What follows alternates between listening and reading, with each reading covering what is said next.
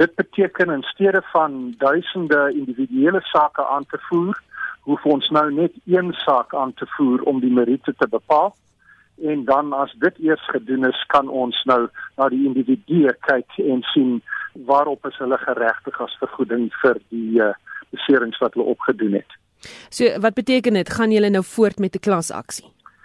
Ja, die proses vorentoe is nou die uitreiking van 'n dagvaarding, 'n doodgewone dagvaarding, maar is namens hierdie hele groep mense.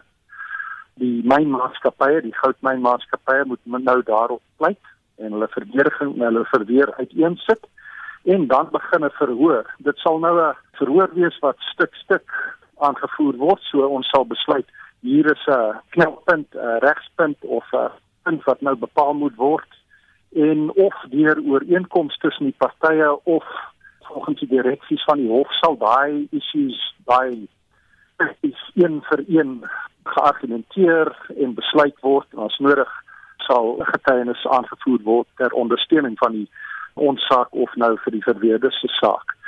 So punt per punt kom ons na 'n punt waar dit duidelik raak dat wie is verantwoordelik en waarvoor is hulle verantwoordelik. En dit is 'n proses wat nou die volgende paar jaar nou sal afspeel. Watter maatskappye um, is hier betrokke?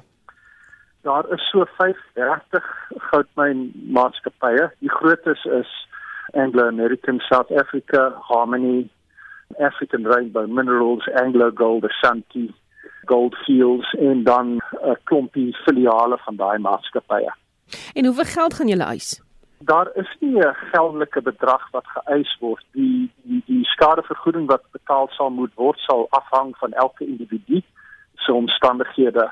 Hoe oud is hy, hoe siek is hy, wat het hy nou eintlik verloor as gevolg van hierdie siekte? En die skadevergoeding sal op 'n individuele basis bepaal word.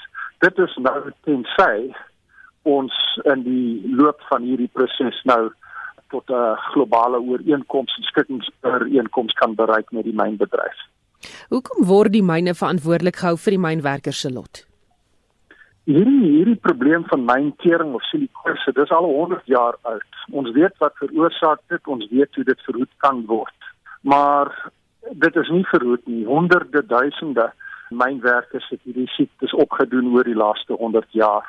Ons aksie gaan net so 50 jaar terug. Ons saak is dat die mynmaatskappye nalatig opgetree het en nie hulle plig nagekom het om werkers se gesondheid te beskerm deur die nodige stappe te neem om te verhoed dat hulle hierdie siektes opdoen. En ja, dis die kern van die saak. Hoeveel mynwerkers is betrokke by die klasaksie?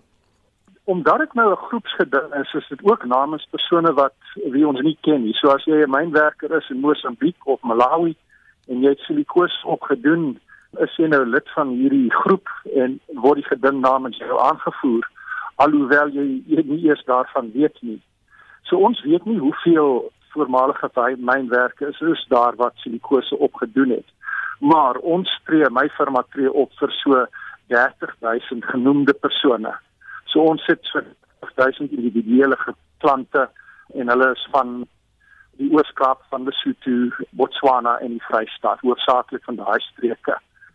Richard, wat van mynwerkers wat reeds hantering of silikose dood is?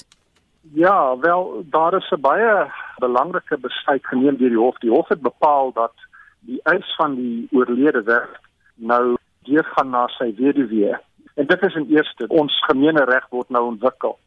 So die gewone van dinge as 'n man uh, weet jy as 'n werker nou beseer is siek word en uh, hy gaan dood voor die litigasie 'n sekere punt bereik het dan word sy skadevergoedingseis dan word dit tot niet maar die hof het nou bepaal dat in die belang van geregtigheid en uh, met die toepassing van grondwetlike beginsels gaan weer die wees nou al al man se skadevergoeding eise erf.